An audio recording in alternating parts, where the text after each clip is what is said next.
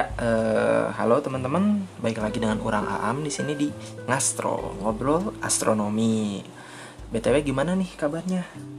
Semoga sehat selalu ya teman-teman. Di tengah eh, virus corona yang lagi mewabah ini, semoga kita selalu diberi kesehatan dan kurang-kurangin beraktivitas di luar ya, supaya virus ini tidak makin menyebar gitu di Indonesia khususnya di, di Indonesia tentu dan semoga untuk yang sudah terkena pun semoga segera diberi kesehatan ya.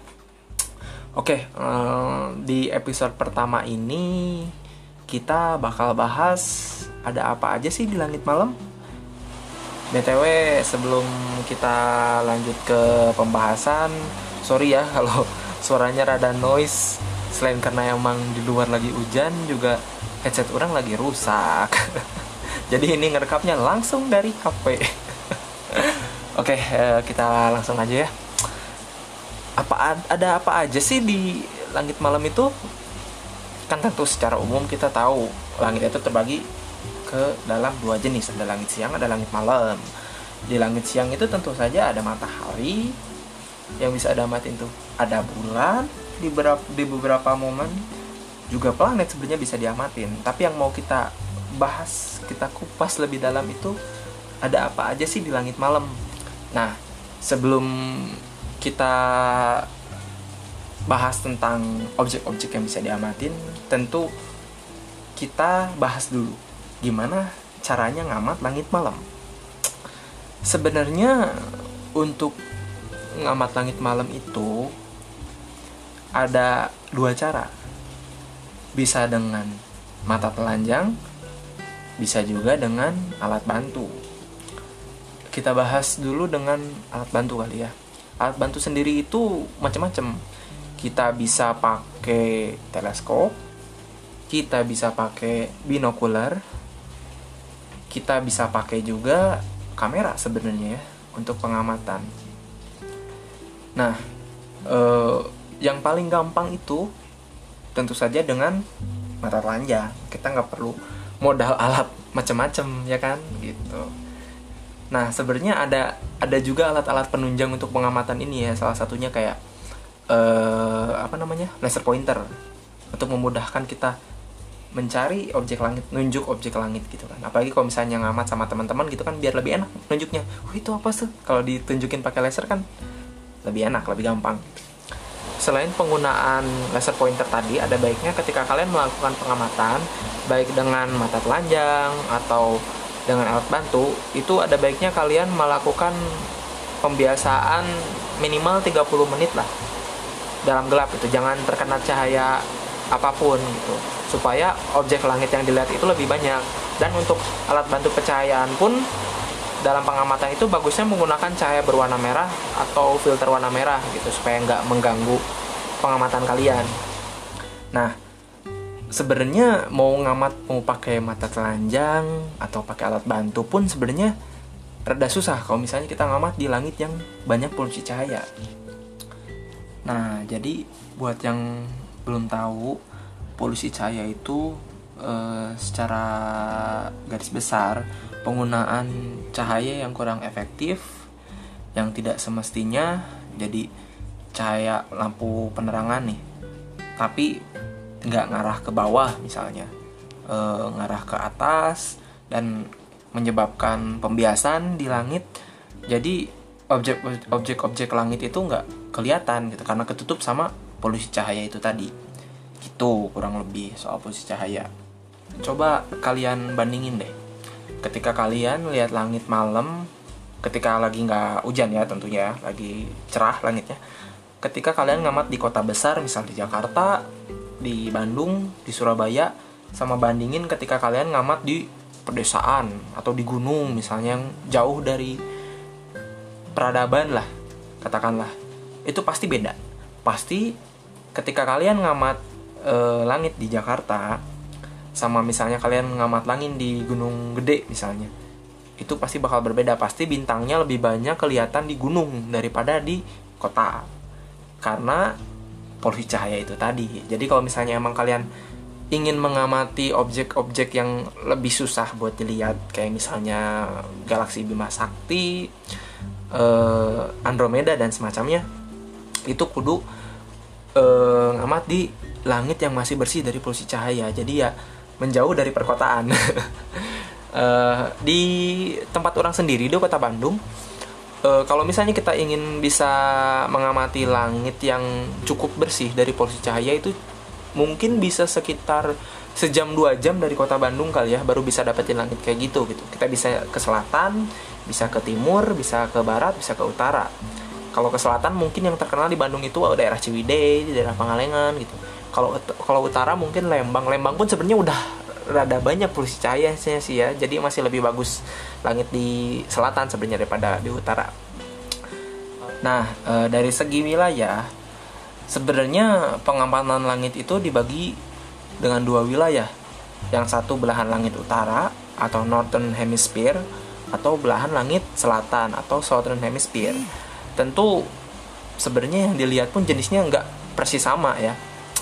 Kayak misalnya gini, misalnya kalian ngamat langit di eh nggak ngamat rasi Orion di langit utara atau Northern Hemisphere, misal di Inggris. Sama kalian ngamat uh, Orion di belahan langit selatan atau Southern Hemisphere itu bentuknya bakal kelihatan kalau misalnya kalian ngamatnya di selatan itu pasti bakal terbalik gitu kebalikannya dari utara gitu. Karena kan itu lokasinya di atas dan di bawah gitu. Jadi nggak akan persis sama gitu. Kayak beberapa rasi yang terkenal itu di utara itu kayak Aquila, Aries dan lain-lain gitu. Nah kalau misalnya di selatan itu salah satu yang terkenal itu Cassiopeia ada Crux juga. Crux biasanya dijadiin uh, patokan oleh nelayan zaman dulu bahkan sampai sekarang pun untuk jadi patokan arah selatan Crux itu karena dia lokasinya ada di selatan itu kurang lebih nah sekarang kita lanjut ke objek-objek pengamatan tentu objek pengamatan yang paling gampang buat ngamatin itu bulan kan bulan sendiri kan dia terbagi ke dalam beberapa fase. Ada purnama, ada bulan sabit, ada bulan baru, dan lain-lain. Dan ada juga fenomena-fenomena langit yang melibatkan bulan, kayak misal gerhana bulan. Nah, untuk pengamatan bulan sendiri, sebenarnya kita bisa ngamat dengan mata telanjang. Tapi kalau misalnya kita ngamat dengan alat bantu, misal teleskop atau binokular, itu kita bisa bahkan kita bisa ngamat kawah-kawah yang ada di bulan loh dan kalau misalnya kita uh, masang kamera kita ke teleskop pakai adapter itu kita bisa motret kawah-kawah yang ada di bulan atau selain itu juga kita bisa pakai kamera yang dilengkapi dengan lensa tele atau misal kayak apa yang kemarin ya? Oh iya pakai Nikon P700 kalau nggak salah itu zoomingnya bahkan bisa sampai tanpa lensa tambahan ya itu zoomingnya itu bisa sampai ke kawah bulan gitu. Kawah bulan itu bisa kelihatan bahkan gitu pakai itu gitu. Gitu. Jadi e, bisa lebih detail kalau misalnya pakai alat bantu untuk mengamati bulan selain bulan juga ada bintang nah bintang sendiri kan emang kelihatannya banyak ya kalau di langit malam tapi salah satu bintang yang paling terang di langit malam itu Sirius Sirius itu letaknya ada di rasi Canis Major. Nah, selain Sirius juga ada salah satu bintang terang lainnya uh, namanya Betelgeuse itu dia ada di rasi Orion. Nah, selain bintang-bintang tadi kan itu mungkin kalau kelihatan kayak satu-satu aja titik-titik, tapi sebenarnya ada juga bintang-bintang yang dia tuh uh, terdiri dari dua bintang sebenarnya bintang biner. Jadi bintang biner itu dua bintang yang saling mengorbit satu sama lain. Kayak misalnya tadi Sirius itu sebenarnya dia bintang biner yang mengorbit satu sama lain. Jadi sekilas kelihatannya kayak satu tapi kalau misalnya dilihat lebih detail lagi pakai alat bantu pakai teleskop itu sebenarnya dia dua bintang yang saling mengorbit dan ada juga uh, gugus-gugus bintang uh, gugus bintang itu kayak misalnya yang paling terkenal itu Pleiades uh, atau Seven Sister itu ya. Uh, kalau di Indonesia disebutnya bintang Kartika. Uh, nah, si Pleiades ini emang kelihatannya juga kalau kita lihat pakai mata telanjang itu kayak numpuk gitu, kayak bintang tapi kayak banyak gitu ramean gitu. Nah, itu namanya Pleiades. Nah, selain bintang-bintang tadi juga ada eh, formasi-formasi bintang. Jadi sebenarnya kalau misalnya kalian udah sering ngemat langit malam itu pasti kalian mulai kenal pola-pola kayak misalnya ada rasi rasi Orion, ada rasi Crux atau salib selatan. Nah, itu tuh kalian lama kelamaan pasti bakal familiar sama bentuk-bentuk itu gitu dan itu pun memudahkan kalian untuk mengamati benda-benda langit lainnya gitu jadi ada di dalam langit malam itu ada yang namanya metode star hopping jadi ketika kalian mau ngamat objek A itu tuh kalian bisa tahu dia lokasinya ada dekat dengan rasi apa misalnya nanti loncat ke sini loncat ke sini sampai kalian menemukan uh, objek yang mau kalian amatin gitu kurang lebih adapun selain planet tadi ada juga objek lain yang cahayanya itu konstan, tapi bukan planet. Nah, objek itu adalah satelit. Nah, salah satu satelit yang paling terkenal bisa dibilang bisa diamatin itu International Space Station atau ISS. Nah, ISS ini biasanya uh, muncul pas menjelang pagi ya dari subuh menjelang pagi atau sore menjelang malam gitu. Nah, kelihatannya itu kalau misalnya dilihat pakai mata telanjang itu dia titiknya konstan tapi dia bergerak bergerak, bergerak perlahan gitu bergerak perlahan tapi bukan kayak pesawat ya. Kalau pesawat kan dia kadang ada kelap kelipnya ya dari cahaya lampunya. Kalau ini enggak cahayanya konstan dan bergerak bergerak perlahan mengikuti uh, jalurnya gitu. Nah kalau misalnya kalian ngamatin pakai alat bantu pakai teleskop misalnya yang dilengkapi dengan tracker itu kalian bahkan bisa ngelihat detailnya detail dari ISS itu sendiri gitu. Karena kalau misalnya nggak pakai tracker ada susah juga ya. Karena kan dia bergerak perlahan juga gitu objeknya gitu tidak tidak diam gitu kalau misalnya planet kan diamatin pakai teleskop juga masih bisa teramati karena dia emang bergerak tapi gerak semu gitu geraknya tuh yang perlahan banget jadi nggak terlalu kelihatan pergerakannya gitu gitu jadi lebih lebih mudah diamati tanpa tracker kalau planet dibandingkan ISS gitu. Karena kalau ISS dia bergeraknya lebih cepat. Ada juga DSO. Nah, DSO atau Deep Sky Object ini sebenarnya rada susah buat diamati di daerah-daerah yang tinggi tingkat polusi cahayanya kayak misal di kota-kota besar. Nah, objek-objek seperti galaksi, gugus bintang, nebula, dan lain-lain itu tergolong ke dalam DSO atau Deep Sky Object. Nah, mulai dari galaksi sebenarnya banyak galaksi yang bisa diamatin tapi yang paling mudah buat diamatin itu salah satunya ada Bima Sakti atau Milky Way dan ada juga Andromeda atau M31 di rasi Andromeda. Nah, Milky Way sendiri sebenarnya kita di sepanjang musim juga bisa ngamatin Milky Way sebenarnya asalkan langitnya bersih dari polusi cahaya. Tapi kalau misalnya di musim hujan itu biasanya intinya nggak kelihatan Nah, kalau kalian mau ngamatin inti dari Milky Way itu ngamatnya di musim-musim kemarau. Ketika emang si posisi intinya itu tidak terhalang gitu oleh matahari gitu. Itu. Nah, e, intinya sendiri, inti Milky Way sendiri kalau kalian mau nyoba ngamatin itu letaknya ada di rasi Sagittarius. Gitu. Nah, untuk gugus bintang sendiri banyak juga jenisnya dan seperti udah kita sebutin tadi ada Pleiades uh, ada juga Jewel Box Jewel Box itu dia posisinya ada di Crux kalau nggak salah di rasi Crux nah selain gugus bintang juga ada nebula. Nebula juga jenisnya macam-macam kan? Ada nebula ada Horsehead Nebula ada Crab Nebula ada Nebula Orion. Nebula Orion sih sebenarnya yang paling gampang diamatin.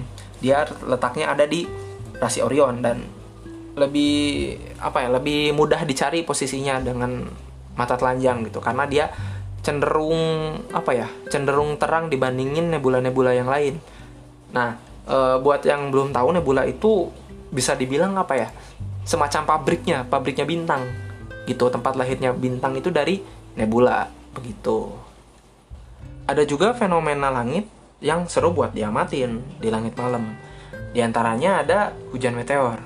Nah, hujan meteor ini sebenarnya ada beberapa hujan meteor yang bisa dibilang dia hujan meteor periodik atau yang emang tiap tahun rutin pasti ada. Kayak misalnya yang terkenal itu ada hujan meteor Perseid, ada hujan meteor Orionid, dan yang paling dekat ini ada hujan meteor eta aquarit kalau nggak salah. Nah, hujan meteor sendiri kan sebenarnya ada dua jenis. Ada yang emang minor atau mayor. Minor ini sebenarnya rasio meteor per jamnya itu sedikit. Paling kisaran 1 sampai 5 atau 10 meteor per jam. Nah, kalau misalnya hujan hujan meteor mayor itu lebih gede dia. Rasio meteornya per jam itu kisaran nyentuh bisa nyempuh 10 sampai 100 meteor. Dan ada ada juga uh, hujan meteor yang uh, lebih langka lagi ya. Istilahnya bukan hujan meteor sih tapi badai meteor. Itu rasio meteornya bisa nyampe 1000 per jam tapi itu bener-bener langka terjadi. Itu tuh. Nah uh, nah kenapa sih uh, hujan meteor itu bisa terjadi? Nah jadi hujan meteor ini bisa terjadi karena bumi melintasi serpihan-serpihan asteroid gitu jadi si serpihan-serpihan asteroid ini berinteraksi dengan atmosfer bumi dia akhirnya terbakar. Jadi kelihatannya kayak meteor gitu. Meteor lewat shu, shu, gitu. Dan pengamatan hujan meteor ini emang lebih baik tanpa alat bantu apa pun pakai mata telanjang karena emang dia bisa muncul dari mana-mana gitu. Emang hujan meteor ini kan emang ada nama-namanya ya ada Orionid ada Perseid dan lain semacamnya tapi penamaan hujan meteor ini berdasarkan dari titik radiannya jadi kayak misalnya hujan meteor Orionid dia itu titik radiannya berasal dari rasi Orion. Jadi meskipun e, sebenarnya hujan meteor bisa muncul dari arah mana-mana tapi lebih banyak dari rasi Orion gitu. Makanya disebut hujan meteor Orionid karena titik radiannya berasal dari rasi Orion begitu. Di antara hujan meteor yang tadi disebutin, ada beberapa hujan meteor yang emang terkenal kayak Perseid tadi. Itu tuh dalam setahun dia bisa dibilang rasio hujan meteor paling gede ya. Karena rasionya itu bisa nyampe 30 sampai 100 meteor per jam. Dan itu tuh dia bi biasa terjadi pas bulan Agustus puncaknya tuh. Jadi kan sebenarnya ada masanya ya hujan meteor itu. Ada periodenya dari tanggal berapa sampai tanggal berapa.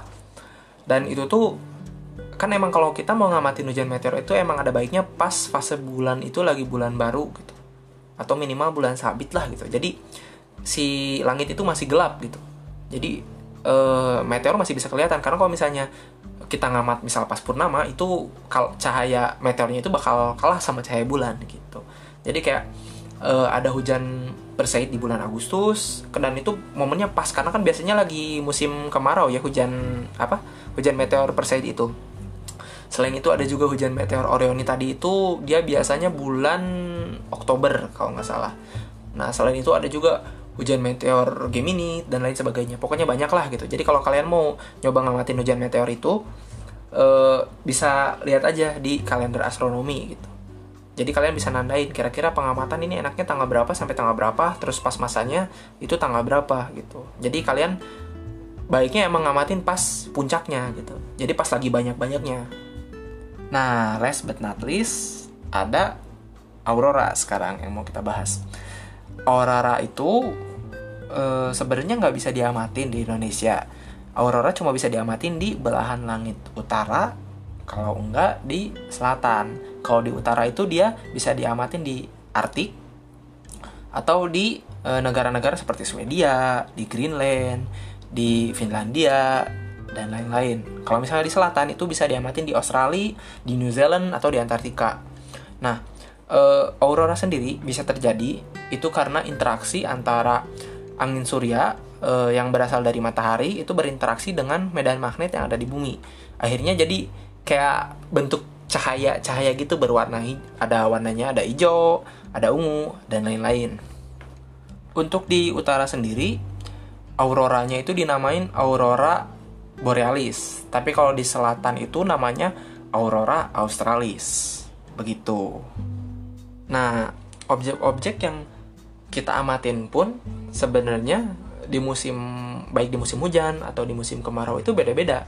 Kayak misalnya di musim hujan itu biasanya yang menonjol itu ada rasi Orion, ada Taurus. Nah, kalau misalnya di musim kemarau itu ada Crux tadi, Salib Selatan, ada Sagittarius, macam-macam gitu. Jadi ketika kalian mau melakukan pengamatan itu kalian bisa bikin planning sendiri sebenarnya. Yang mau diamatin apa aja objeknya apa alatnya menggunakan apa atau misalnya kalian mau mengamati tanpa alat bantu apa pun itu bisa. Tapi jadi uh, ada baiknya kalian melakukan perencanaan terlebih dahulu begitu. Kayak misal nih sekarang nggak kemarin sih kayaknya. Kemarin kayaknya baru ada uh, konjungsi. Konjungsi antara planet Jupiter Mars bulan sama Saturnus gitu ya kalau nggak salah. Jadi konjungsi itu kalau misalnya diamatin tuh kayak objeknya itu saling berdekatan gitu. Gitu. Untuk tempat-tempat pengamatan sendiri seperti udah kita bahas tadi di awal sedikit uh, yang pasti daerah itu terbebas dari polusi cahaya atau seenggaknya nggak banyak lah polusi cahaya di sana gitu. Jadi e, disesuaikan aja porsinya. Misalnya kalian mau nyoba ngamatin planet atau bulan sebenarnya nggak usah jauh-jauh juga bisa gitu di di loteng kalian sendiri pun bisa sebenarnya. Tapi kalau e, mau ngamatin objek-objek yang rada redup e, kayak misalnya tadi kayak Milky Way dan lain-lain itu kalian kudu rada melipir dulu gitu. Nah buat orang Bandung sebenarnya orang punya referensi-referensi tempat buat kalau kalian mau ngamat nih.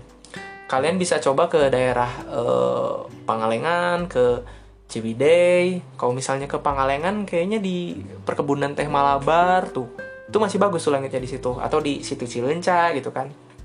Kalau di Ciwidey juga banyak kan tempatnya. Uh, kalau di Ciwidey itu bisa yang paling gampang diakses itu Ranca Upas.